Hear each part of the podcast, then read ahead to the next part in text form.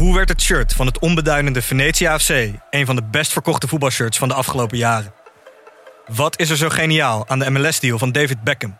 En waarom vinden we het normaal dat jeugdspelers gezien worden als investeringsobjecten? In de podcast Grof Geld onderzoek ik, Sam van Raalte, voetbaljournalist, samen met merkstratege Per van der Brink de macht van geld in de voetbalwereld. Wat gaat er schuil achter de wereld van sport en glamour? En wie profiteert er?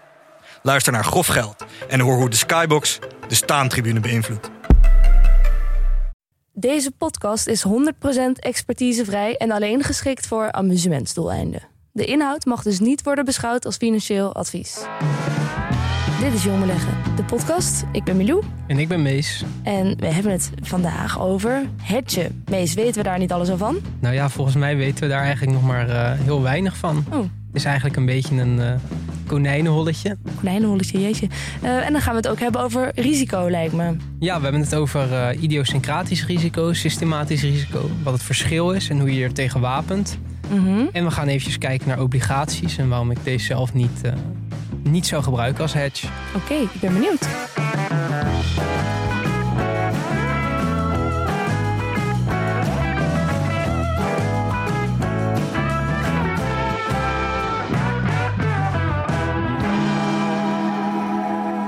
Begin anders eerst even met een pleidooi voor waarom jij dit onderwerp nog wil doen. Dit is je laatste eh, aflevering voorlopig, want straks is Pim weer terug. Waarom stond deze op de lijst?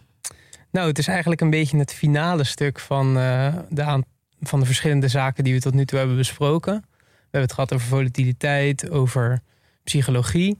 Ehm, en hedging is eigenlijk een beetje. eh, het heeft er eigenlijk allemaal mee met alle twee die dingen te maken. Mhm. En ehm, het is gewoon super belangrijk. Zoals bij volatiliteit al werd besproken, heeft volatiliteit best wel een belangrijke invloed op returns op de lange termijn. Eh, en hedges beïnvloedt weer volatiliteit. En daarom zijn hedges dus ook heel belangrijk voor dat lange termijn rendement. Ja, daar ontkomen we dus eigenlijk niet aan. Oké, nou hedge is natuurlijk een term die we allemaal al eh, redelijk vaak gehoord hebben. Hedge, eh, meteen vertaald dan even, dat is heg. Een afscheiding tussen het hier en de buitenwereld. Bijvoorbeeld in je tuin. Het is een barrière om niet tegen vervelende mensen aan te hoeven kijken... die daar langslopen elke dag. En ook dat jij, wat jij daar binnen in die tuin zit te doen... dat je er een beetje privacy in hebt. Ja, dat je het een beetje kan afschermen. Dat je het een beetje kan afschermen, inderdaad. En dat is het eigenlijk ook precies waarvoor het in beleggen wordt gebruikt. Hè? Voor het afschermen van je portfolio. Tegen? Nou ja, het is eigenlijk. ehm, het, het fungeert eigenlijk voornamelijk als risicostrategie. Dus hoe ga je met risico om? Eh, en dat risico wordt vaak beperkt door hedges in te zetten. Mhm. Dus dat zijn eigenlijk eh, ja, instrumenten die op het moment dat het niet zo goed gaat met de markt, dat we eh, in een gevaarlijkere markt zitten, dat die ons op dat moment beschermen tegen die negatieve drawdowns. Ja. En ja, ze, ze dienen dus eigenlijk contrair te bewegen op dat moment, zodat we dus een deel van dat verlies kunnen compenseren. Dat is eigenlijk heel bazaal wat een hedge moet doen. Eh, en je zou het daarom kunnen zien, als de gehele portfolio naar beneden gaat, moeten die hedges ons eigenlijk boven water houden. ja, terwijl als je hele portfolio omhoog gaat, dan zal zo'n hedge waarschijnlijk niet ook omhoog gaan, want die, die beweegt dus contrair. Dus het is Ja. natuurlijk wel, het is ook niet helemaal altijd even efficiënt voor zoveel Nee, mogelijk rendement halen. Precies, het is inderdaad, die hedges zijn voornamelijk fijn op het moment dat het minder gaat. Ja. En op het moment dat het eh, goed gaat met de markt, dan wil je eigenlijk, daar gaan we het vandaag nog over hebben, dan wil je eigenlijk dat die hedges ook niet een te negatieve invloed hebben. Nee, Want die hedges die, die eh, presteren dus contra. Dus op het moment dat het goed gaat, gaan die hedges vaak slecht presteren. ja. Of in ieder geval niet presteren, wat dan weer invloed heeft op het rendement. Het lijkt me dat daar ergens een, eh, een sweet spot zit. Ja, het is inderdaad echt een afweging die je maakt. Ja, en die ga jij ons eh, vandaag leren maken. Want ik heb bijvoorbeeld geen hedge, volgens mij, in mijn portfolio. Niet dat ik weet. Geen Nee. bewuste hedge. Niet voor zover ik weet. inderdaad. En als we het even terugkoppelen naar vorige aflevering, dat we het hadden over psychologie. Mensen denken van zichzelf dat ze hele goede beleggers zijn, dat ze bovengemiddeld presteren, beter dan de rest.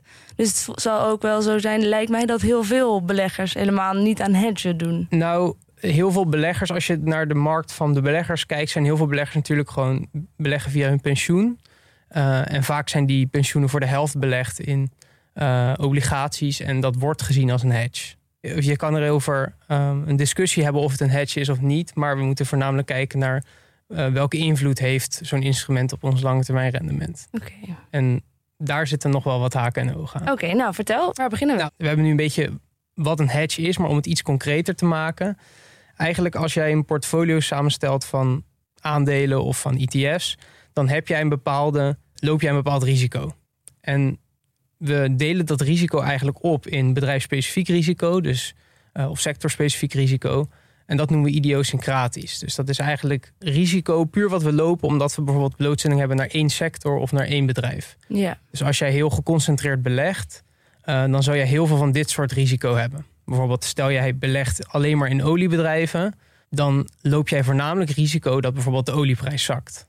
Dat Ja. is een hele concrete vorm van risico. Dat is echt specifiek eigen aan de sector of aan het bedrijf. Dat hoort echt daarbij. Dat komt voort, dat is idiosyncratisch, komt voort uit die specifieke Ja. tak. Precies. Als we zo'n portfolio van oliebedrijven nog, nog kleiner gaan maken, dus we gaan bijvoorbeeld één oliebedrijf selecteren, dan hebben we dus niet alleen die olieprijs die risico voor ons veroorzaakt, maar bijvoorbeeld ook slecht management. Dus dan Ja. wordt het nog concreter. Ja. Ehm, dus de stelregel is eigenlijk hoe meer geconcentreerd de portfolio, hoe meer van het idiosyncratische risico we hebben. En dat kan je eigenlijk op hele, eh, ja, op hele specifieke manieren afdekken. ja, door te spreiden bijvoorbeeld. Dus als je in oliebedrijven zit. Ja. ja, dan heb je het vooral over het ontlopen ervan. Dus dat is inderdaad wat je Ja. zegt, klopt. Als je gaat spreiden, dan ontloop je dit idiosyncratisch risico. Maar er kunnen ook gegronde redenen zijn waarom je toch in olie wilt zitten als enige sector. Mhm. En in die situatie kunnen we toch ook dat afdekken. Wat kun je dan tegen olie Nou ja, doen? dan zou je bijvoorbeeld eh, contracten kunnen kopen die stijgen op het moment dat de olieprijs daalt. Dus dan heb je zo'n contrair bewegende instrument in je portefeuille. Zo'n optie. Of Ja. een, eh, ja. Maar als je het vorige week hebben we het bijvoorbeeld gehad over Michael Burry, over de Big Short. Ja. Hij zag toen heel erg in dat de huizenmarkt stond te kantelen. Eh, en heeft toen besloten om van die credit default swaps te kopen. Dus Ja. dat is zo'n type contract wat tegen de huizenprijs ingaat. En dat zou in dit geval, stel je hebt een portfolio van huizen, is dat zo'n hele mooie Ja. hedge tegen dat idiosyncratisch risico. ja, precies. Maar Michael Burry deed het niet per se om te hedgen. Nee, toch? hij deed het dan weer gewoon als positie. Echt als maar tegen de markt. Ja, precies. Maar stel, je bent een vastgoedbeheerder. Ja. Dan is dat een hele goede hedge om te hebben in je portefeuille. Want op het moment dat de markt dan dus inzakt, Ja. dan heb jij zo'n contract wat Ja. veel meer waard wordt. Eh, en dan kun je dus een deel van dat verlies, of misschien zelfs het hele verlies, compenseren. Ja. Dus dat gaat eigenlijk over het idiosyncratisch risico. Mhm. Maar mensen zoals jij bijvoorbeeld, die hebben gewoon zo'n mandje van aandelen. Ja. Dus die zijn eigenlijk, eh, die hebben heel veel verschillende eh, soorten risico's die invloed hebben op het portfolio, maar eigenlijk allemaal dusdanig klein dat we ze niet echt hoeven te targeten. Dus bijvoorbeeld de olieprijs zal niet op jouw portfolio een dusdanige invloed hebben dat jij daar actief tegen moet Ja. gaan hedgen. Nee, het idee van mijn portfolio is inderdaad dat ik zoveel mogelijk de markt volg. Ja, Dus ik denk dat mijn enige echte risico is dat er een crash komt. Ja, precies. Dat is goed gezegd inderdaad. Omdat jij zo gespreid zit, heb jij heel weinig van dat idiosyncratisch risico. En heb jij dus heel veel systematisch risico. En dat is, wordt ook wel marktrisico genoemd inderdaad. Dus dan Ja, ja. zijn we echt op zoek naar... Ik ben belegd in de markt, maar we zien zoals dit jaar... kan ook gewoon de markt als geheel eh, niet zo lekker gaan. Kan allerlei oorzaken hebben. De oorlog bijvoorbeeld in Oekraïne. Twee jaar geleden was het het coronavirus. Eh, dat zijn eigenlijk externe factoren die vaak zo'n hele markt kunnen beïnvloeden. Ja. En als jij daartegen wil hedgen, waar, nou, daar gaan we later het over hebben, dat daar hele goede redenen zijn waarom je dat zou moeten doen. ehm, dan moet jij dus niet van dat hele, dan moet jij dus niet idiosyncratisch risico gaan afdekken, maar systematisch risico. Ja. Maar systematisch risico afdekken blijkt heel lastig te zijn. Dat is eigenlijk het, het probleem hiervan. Omdat we ja, ik zit ook te denken, wat voor hedge kun je daarvoor bedenken tegen de markt? ja, nou eh, in principe Flow is traders. dat is inderdaad goed dat je dat zegt. Want dat denken heel veel mensen dat flow traders een directe hedge is tegen de markt. Maar flow traders is voornamelijk een hedge op volatiele markten en niet op dalende markten. Ja, want zij profiteren ervan als mensen heel veel gaan handelen, toch? Ja, Daar zij hebben echt die, eh, die volatiliteit nodig om een goede hedge te zijn. En we zien dit jaar bijvoorbeeld, nou ja, het is nu ondertussen weer wat gestegen, maar in het begin van het jaar zagen we dat de markt best wel heel erg eh, flink is gedaald. Maar dat flow traders eigenlijk ook daalden. Dus dat het in Hm. dat geval heeft het dus niet gefungeerd als hedge. Waarom? Omdat die volatiliteit best wel laag was alsnog. Ja. Dus ze hebben wel die handelvolumes nodig eh, om een hedge te zijn. Dus er zit ook wat ruis in. En daarom is het dus niet een perfecte hedge tegen de markt. Oké. Maar als ik jou zo hoor, is er ook dus niet echt een perfecte match Nou, tegen die- systemisch risico. Die zijn er wel. Alleen het lastige is dat systematisch risico voornamelijk wordt veroorzaakt door eh, events die we niet zo makkelijk kunnen voorspellen. Ja, Dus de zwarte zwanen. de zwarte zwaan inderdaad, de Black Swan events. Ja, die zijn heel lastig te voorspellen. We weten Ja. vaak niet wa- wat de bron van het risico is. En het is vaak ook zo dat historische informatie ons niet zoveel vertelt over toekomstige crashes. Ja, dat noemen ze non-ergodic. Dus dat de, de, het verleden ziet er bijna altijd anders uit dan de toekomst in financiële markten.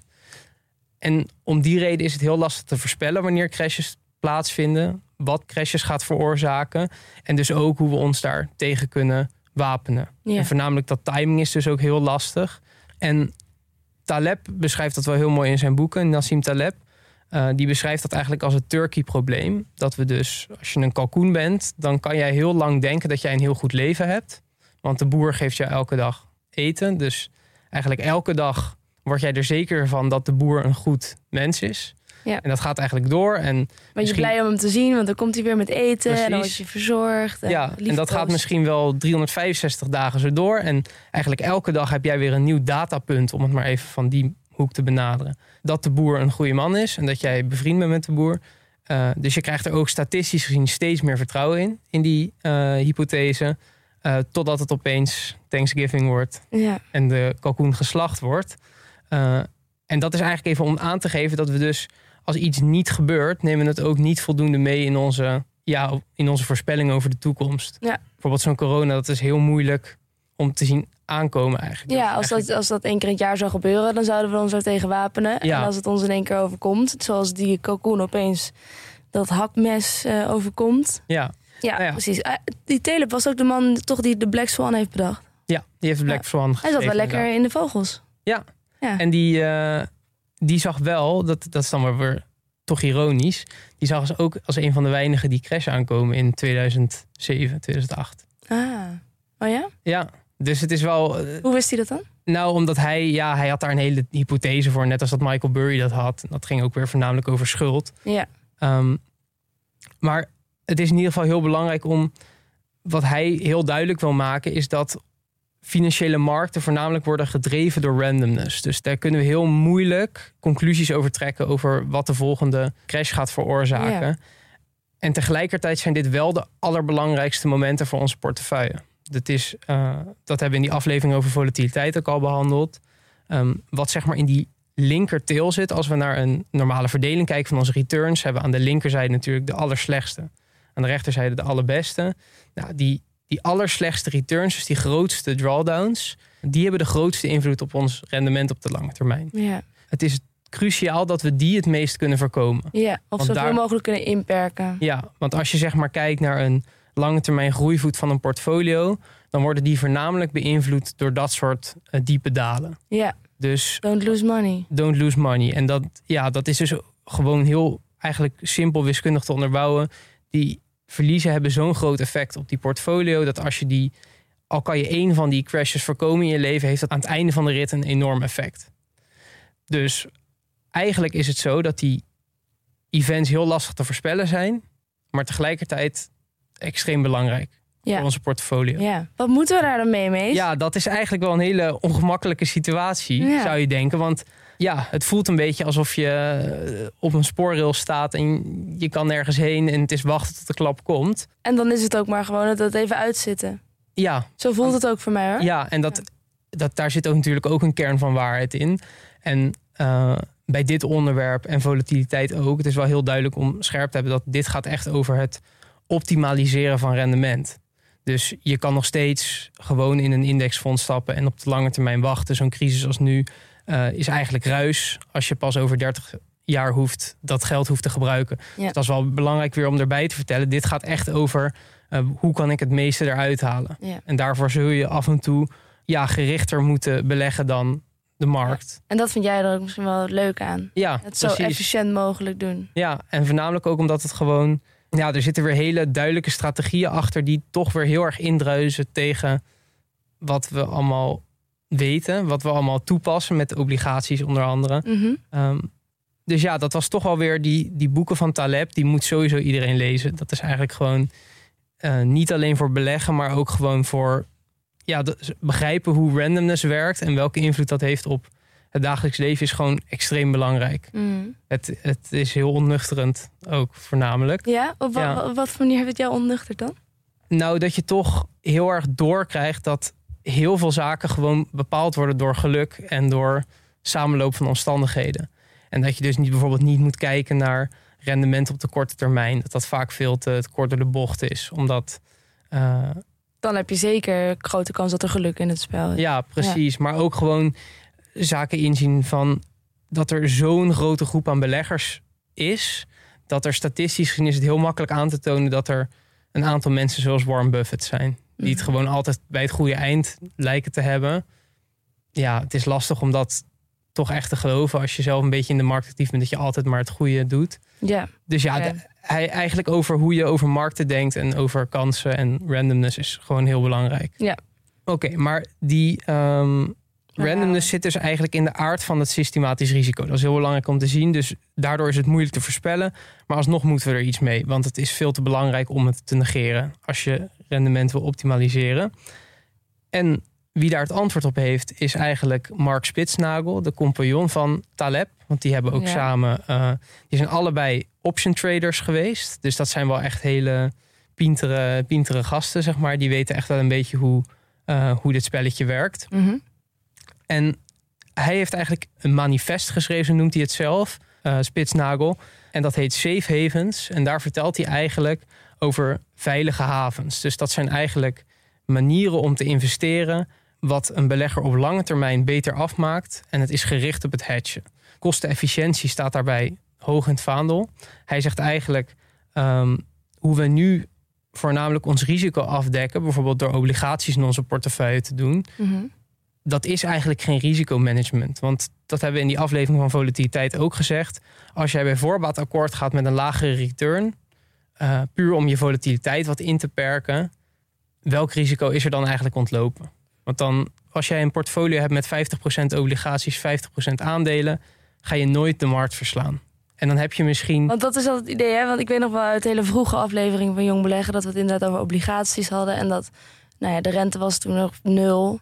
Dus toen leverde dat heel weinig op. Dus dat vonden we op dat moment dan geen goed idee om in te investeren. Maar jij zegt eigenlijk, het is nooit... Het is nou, nooit, nooit is dus op de lange termijn is het geen goed idee. Nee. Want op de korte termijn is het natuurlijk zo dat eh, obligaties minder bewegen. We weten, die hebben een hele lage beta. En zelfs eh, op lange termijn een beetje een negatieve beta. Dus Ja. die gaan ietsje stijgen als het slecht gaat met de markt. Ja. Overigens is dat ook weer, net als bij flow traders, het is geen garantie. Want we hebben bijvoorbeeld tijdens corona gezien dat er heel veel geld wordt bijgedrukt. En dat is dan weer negatief voor de obligaties. Ja, Dus als je obligaties nu had gehad als hedge in de voorgaande crisis, was je wat minder gedaald, maar je was wel gedaald. Dus Ja. of dat dan een hedge is, dat, dat laat ik aan de Ja. persoon zelf. Ja. Maar het kan zo'n zo'n portefeuille van obligaties kan je op korte termijn wat beter afmaken als het een hele diepe crash is en eh, die obligaties zakken wat minder. Maar weet eigenlijk dat op lange termijn dat dat eigenlijk nooit zorgt voor een hoger rendement. En dat het Mhm. voornamelijk dus die korte termijn volatiliteit wat lager maakt. En ook daar zijn weer gegronde redenen voor. Als je bijvoorbeeld met pensioen bent en je moet elke maand een beetje van jouw portfolio verkopen, dan is het natuurlijk heel lastig om heel veel volatiliteit te hebben. Want wat nou als je 70% minder vermogen hebt in een maand, Ja. dat, dat kan je gewoon financieel niet aan. Dus ook dit is weer een.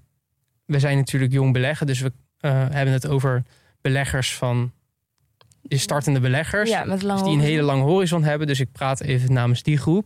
Daar zie ik eigenlijk niet een hele goede reden in waarom die obligaties in hun portefeuille zouden hebben. Nee, omdat je dus die lange termijn hebt. En die korte termijn volatiliteit die maakt eigenlijk helemaal niet zoveel uit voor ons. Eh, Maar hoe, hoe ruimt dat dan met het verhaal van de, grootste verlies zit in de tail en don't lose money. En dat is de grootste drawdown, dat moet je voorkomen.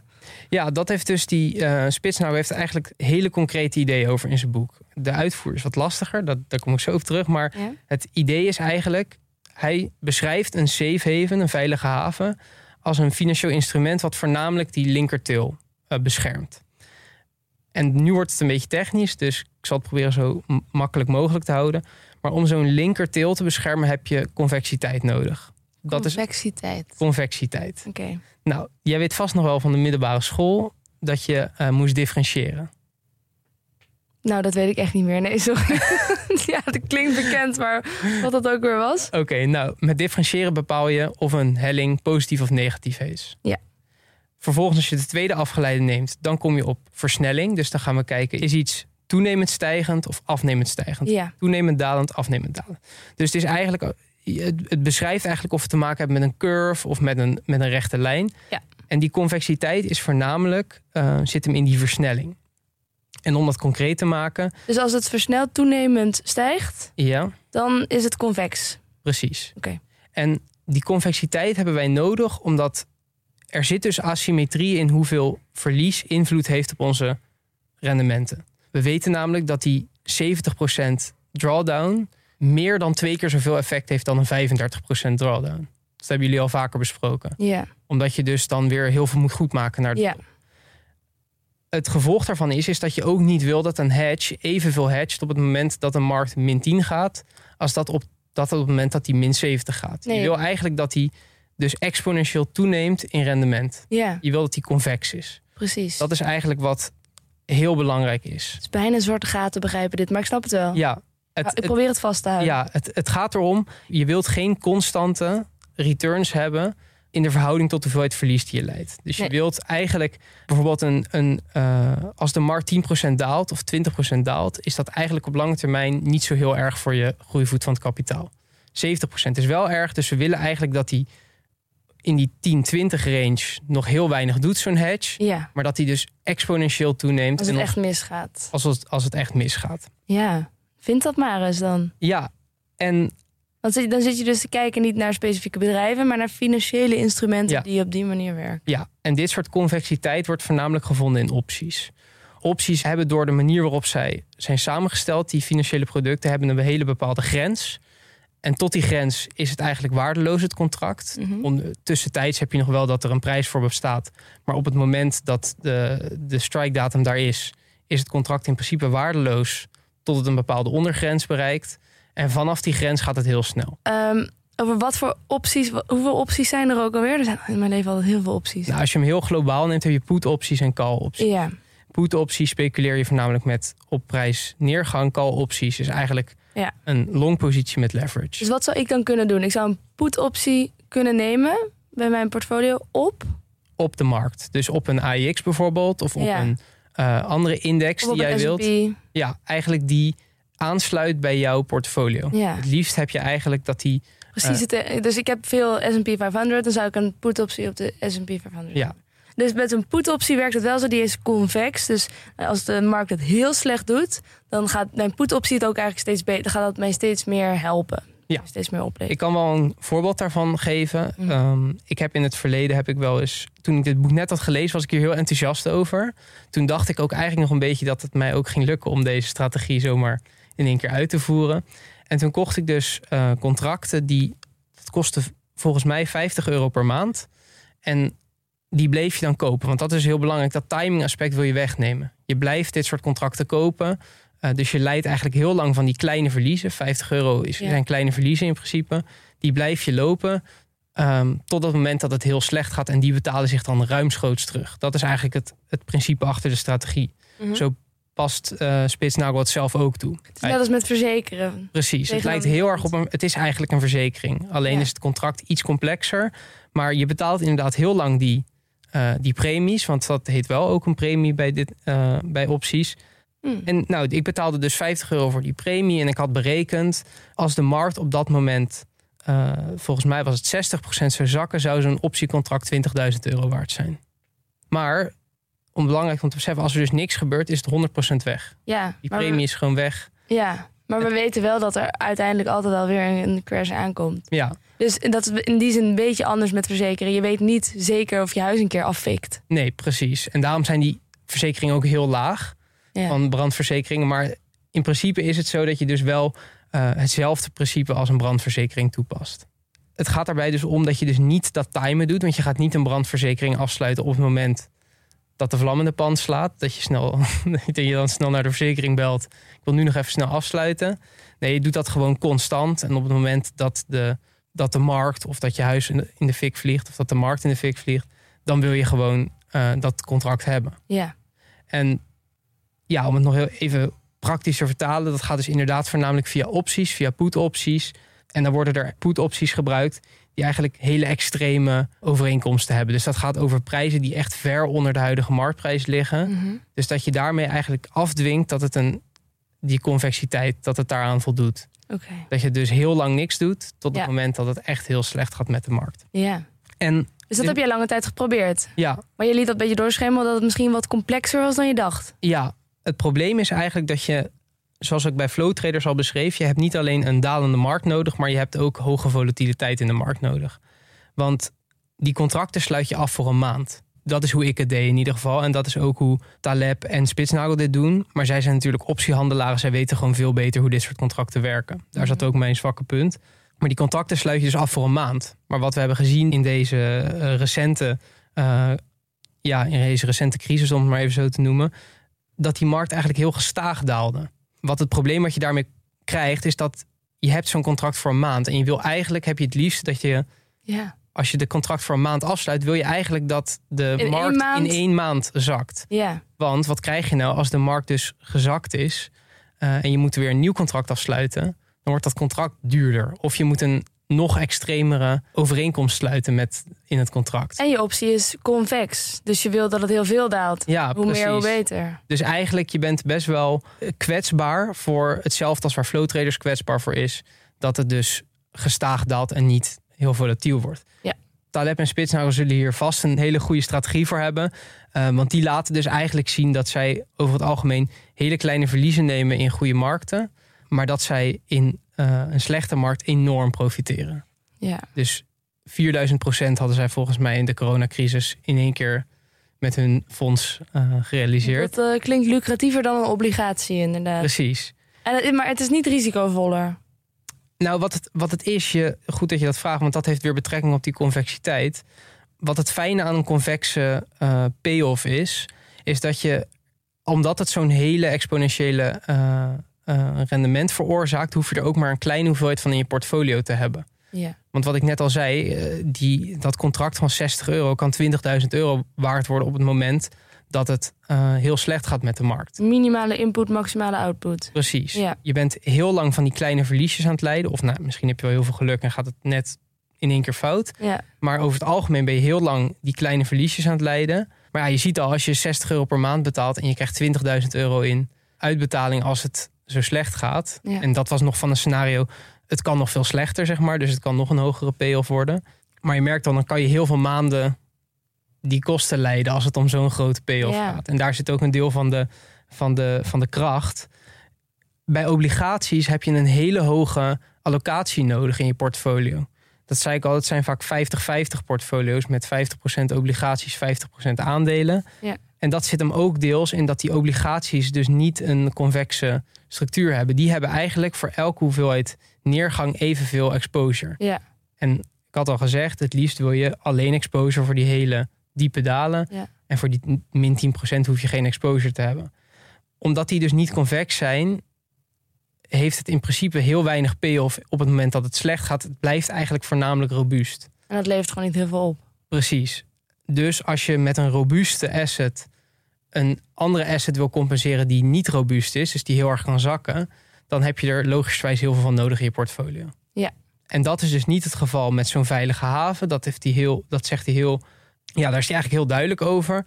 Eh, omdat het convex is, hoeft het maar een kleine impact te hebben op de portfolio. Hoeft het maar een hele kleine allocatie te Ja. hebben. Kan je je rest van je geld gewoon echt aan het werk zetten. Ja. Ja. En hij, hoe hij het ook eigenlijk altijd brengt, is dat omdat we het op deze manier doen, hoeft het maar dus die hele kleine allocatie te hebben, kunnen wij ook veel meer eh, risico nemen aan de andere kant. Dus kunnen we ook die longposities die we hebben, die niet gericht zijn op het hedgen, kunnen we veel extremer inzetten.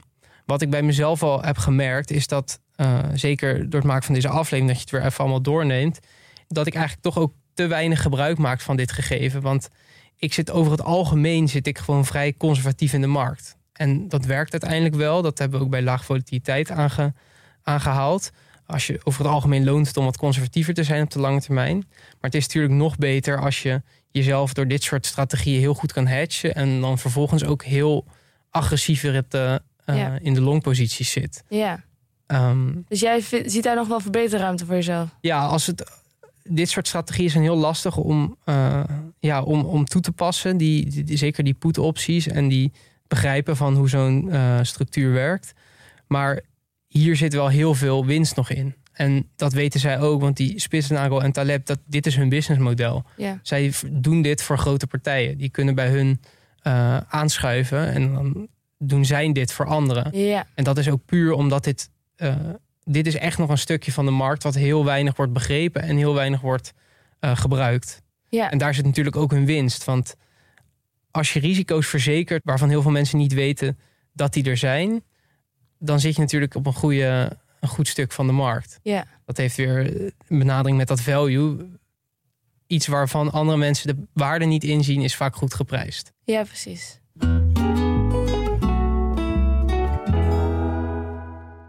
Maar dit gaat over systemisch risico, toch? Dus tegen de markt uh, Precies. put-optie nemen. Ja. En, en jij zit met jouw portfolio ook niet helemaal de markt te volgen, toch? Jij zit Nee, wel precies. in, Dus eh, dat is inderdaad een ook een- idiosyncratisch risico. Precies, dat is inderdaad ook. Ik heb maar 15 posities, dus bij mij is het ook wat interessanter om te kijken van wat zit er nou in mijn portfolio? Eh, hoe verhouden die, die posities zich tot elkaar? En om daar een beetje op in te spelen. Dat doe ik ook wel, omdat Mhm. je, ja, ik kijk wel binnen mijn portfolio hoe verhouden sommige eh, aandelen zich tot elkaar. En als ik zie dat ik bijvoorbeeld heel veel risico op een bepaald vlak loop, wat ik vorig jaar had met eh, de Amerikaanse dollar, daar vond ik dat ik eigenlijk te veel exposure naar had. Ja. En dat is nu heel positief geweest, want de dollar staat heel hoog. Maar toch ben ik op dat moment gaan besluiten om currency swaps in mijn portfolio te doen. Waarmee dat dus afdekt. Dus daar ga je eigenlijk short in de dollar en long in de euro. Ja. Dus inderdaad, op dat soort manieren kan je toch weer een stukje idiosyncratisch risico Ja, afdekken. ja, dus straks als de euro misschien wel weer, als het weer beter gaat, hè, laten we het met z'n allen hopen, Ja. dan, dan is dat oké voor jou. Dan Ja. heb je daar geen last van. Dan heb ik, nou, dan profiteer ik daar dus zelf Dan van. profiteer je daarvan. Want maar dat, profiteer je daarvan als geheel of een beetje? Dat het een be- min- het is voornamelijk compensatie. ja, Van, compensatie. Ja. Ehm, want dat is nog wel heel belangrijk. Vaak wordt gedacht dat de. Dat zit eigenlijk ook terug in hoe we over obligaties denken. Dat het omgekeerde van volatiel, dat dat robuust is. Maar denk Mhm. jij dat ook? Eh, nee, zeker niet. Ik denk dat niet. Dat is dus niet zo. Want het omgekeerde van iets dat volatiel is, is iets dat volatiel is in exact de andere richting. We moeten een inverse nemen. Oké. En dat, dat, die gedachte zit eigenlijk ook achter die obligaties. Dat we, we hedgen onszelf met obligaties. Terwijl obligaties zijn niet contra, obligaties zijn robuust. Dus het, het hoogst haalbare wat ze doen is verlies beperken. Ja, Terwijl we eigenlijk willen, dat volgens, dit, volgens deze theorie in ieder geval, dat we niet alleen robuust zijn, maar we willen zelfs profiteren van dit soort slechte markten. ja, En dat is eigenlijk de hele basis van de strategie. Je wilt anti-fragile zijn, zo noemt hij dat. Ja. Eh, je wilt profiteren van volatiliteit, profiteren van onzekerheid. En een juiste houding hebben tegenover een markt die je niet goed kan voorspellen. ja. En Ja. dit is eigenlijk de, het antwoord daarop. En dat hem. kan dus. Want hij, pro- hij compenseert niet alleen, hij profiteert. Precies. Ik snap het. Mooi. Heb jij nog voorbeelden in jouw portfolio, behalve die euro, waar je, hoe jij hedgt?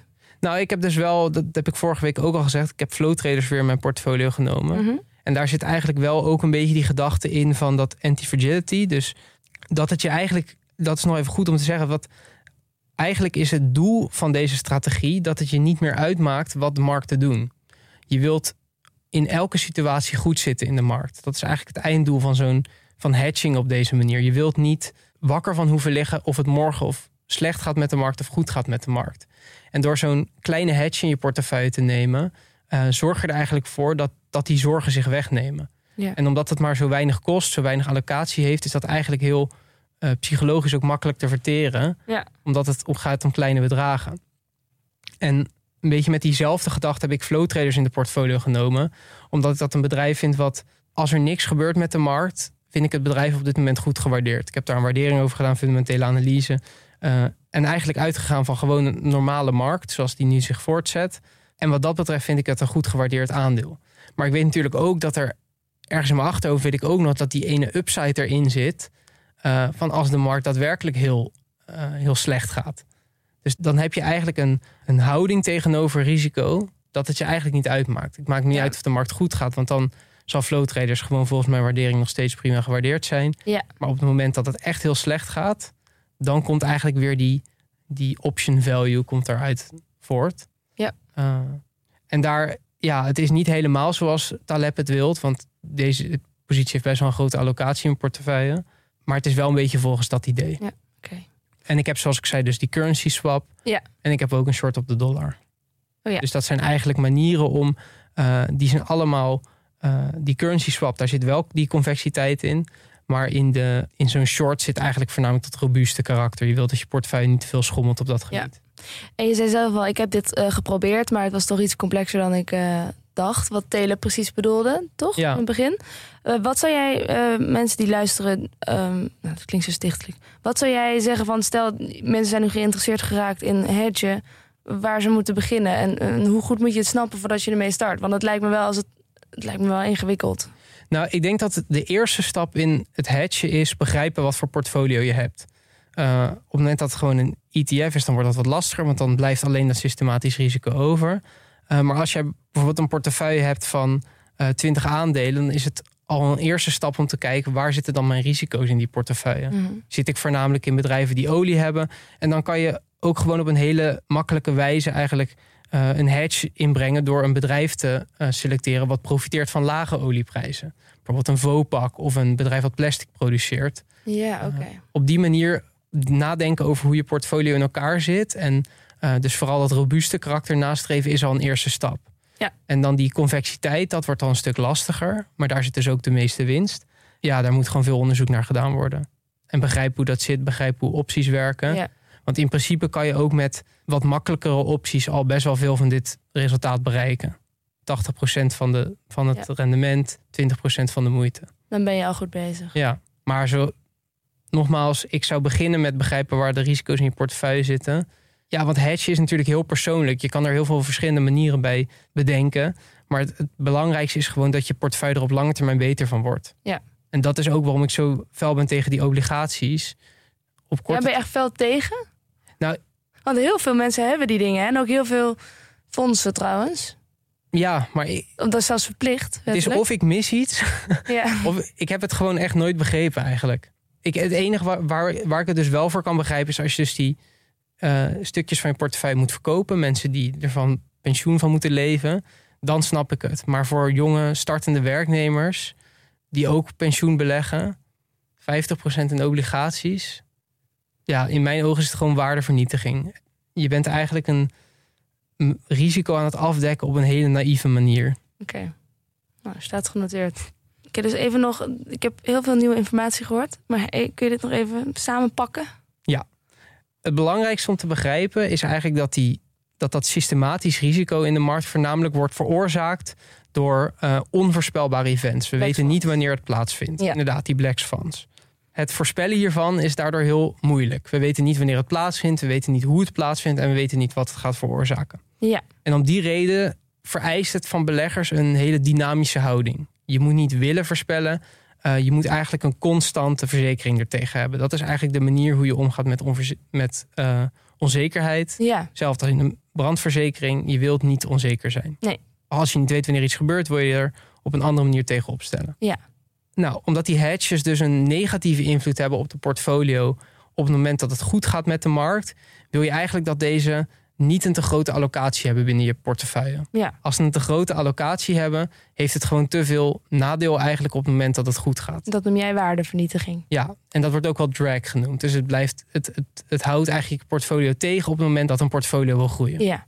Dus dat wil je zo klein mogelijk houden. Ja. Ja. Om het zo klein mogelijk te houden heb je die convexiteit nodig, die er dus voor zorgt dat we voornamelijk die linkerzijde van de eh, return distribution afschermen, dus de hele grote verliezen. Ja. De hele grote verliezen, daar zit eh, de impact op het lange termijn groeivoet en die willen we dus afschermen. En het liefste willen we dat op een convexe manier doen, waardoor we dus extreem veel afdekking hebben naar die hele grote verliezen en relatief weinig afdekking hebben voor waardedalingen van 10, 20 procent. Omdat Ja. deze ook eh, relatief als ruis beschouwd kunnen worden voor die lange termijn. Ja. Nou, eigenlijk maak je hierdoor je portfolio anti-fragile. Dus eigenlijk zorg je daarvoor dat jij als belegger een houding tegenover risico hebt, systematisch risico, dat het je eigenlijk niet zo heel veel uitmaakt. En dat is een hele fijne uitgangspositie. Want ja. Ja. je wordt er heel eh, dynamisch van eigenlijk. Het maakt je niet uit welke kant de markt op gaat. Want in alle gevallen zul jij er op een bepaalde manier van kunnen profiteren. Ja. En dat is eigenlijk het einddoel van een hedge. Die hedge moet jou op lange termijn, moet die groeivoet van het kapitaal gaan verbeteren. Ja. En als het dat niet doet, als het structureel je returns verlaagt, dan is er eigenlijk dus in mijn ogen in ieder geval, en ook de ogen van Spitsnagel en Taleb, geen risico ontlopen. Maar er is gewoon bij voorbaat gezegd, kom maar op met dat risico, eh, we trekken het er gelijk vanaf. En dan, dan overkomt het ons in ieder geval niet meer. precies. Dan Dan, weten we het al zeker. dat is ook een manier van het psychologisch aanvaardbaar maken. Dat, Ja. er altijd, dat, ja, dat je met beleggen gewoon risico loopt. Maar ja, ik, ik snap, Ja, ik snap en daardoor werken eigenlijk gewoon die, ehm, die hedges die niet voldoen aan dat, aan dat convexe karakter. Dan heb ik het over obligaties, maar bijvoorbeeld ook over goud. Uh, Mhm. Dat zijn eigenlijk soortgelijke manieren om je risico af te dekken. Die hebben eigenlijk niet eh, dat karakter wat we verlangen van een hedge. Ja. Dus die maken ons op korte termijn misschien wat beter af. Ja. Die kunnen op korte termijn de volatiliteit van de portfolio wat verlagen. Maar als wij dit op een lange termijn aanpak hebben, als wij een portfolio hebben die we 20 jaar willen vasthouden, dan maakt het ons eigenlijk alleen maar armer. Ja, want je groeivoet is gewoon een stuk lager. Ja. Kleiner.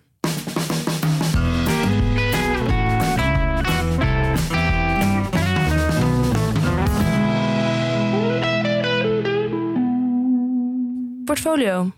Jij stuurde mij een, eh, een appje vorige week, vlak na het opnemen van de uitzending. Ja, ik was in euforische staat. Ja, want dat was aan de hand. eh, Ja. kondigde een nieuwe CEO aan en eh, had prima, eigenlijk prima resultaten.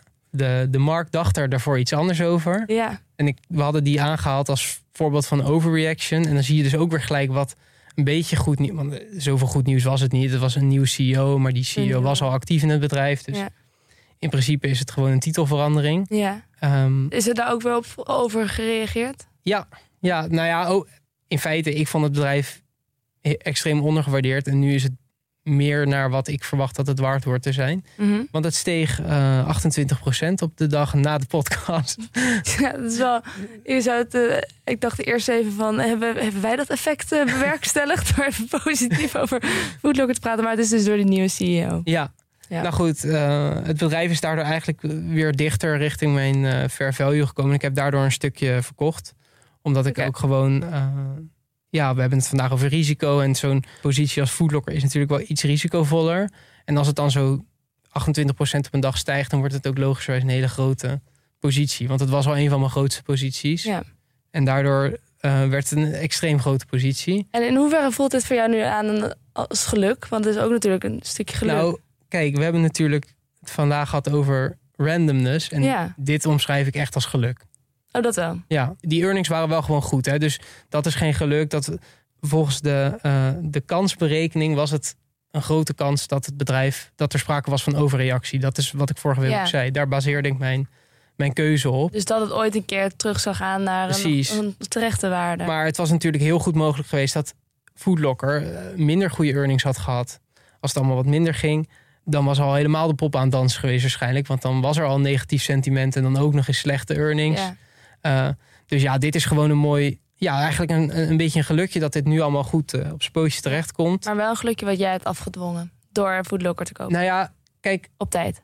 ik denk dat je bij de markt kan je eigenlijk nooit zeggen dat, je het, dat het jouw verdienste is, 100%. Nee, maar als het- jij Foodlocker niet had gekocht, dan was Ja, er natuurlijk niks gebeurd. je, kan er, je maakt er een bepaalde afweging van. En eh, wat een goede belegger een goede belegger maakt, is dat die zes van de tien keer eh, dat het jouw kant op gaat. En dit Ja. was dan een van de zes, maar de kans dat ik de volgende keer ernaast zit is niet kleiner geworden nu. Hij is zo bescheiden gebleven, die mees. Ja, door, door Taleb, hè? Ja, ja. Lees die man. Eh, je hebt neem ik aan wel alle tips ook van wat er gelezen moet worden op de, in de show notes gezet, hè? Uiteraard.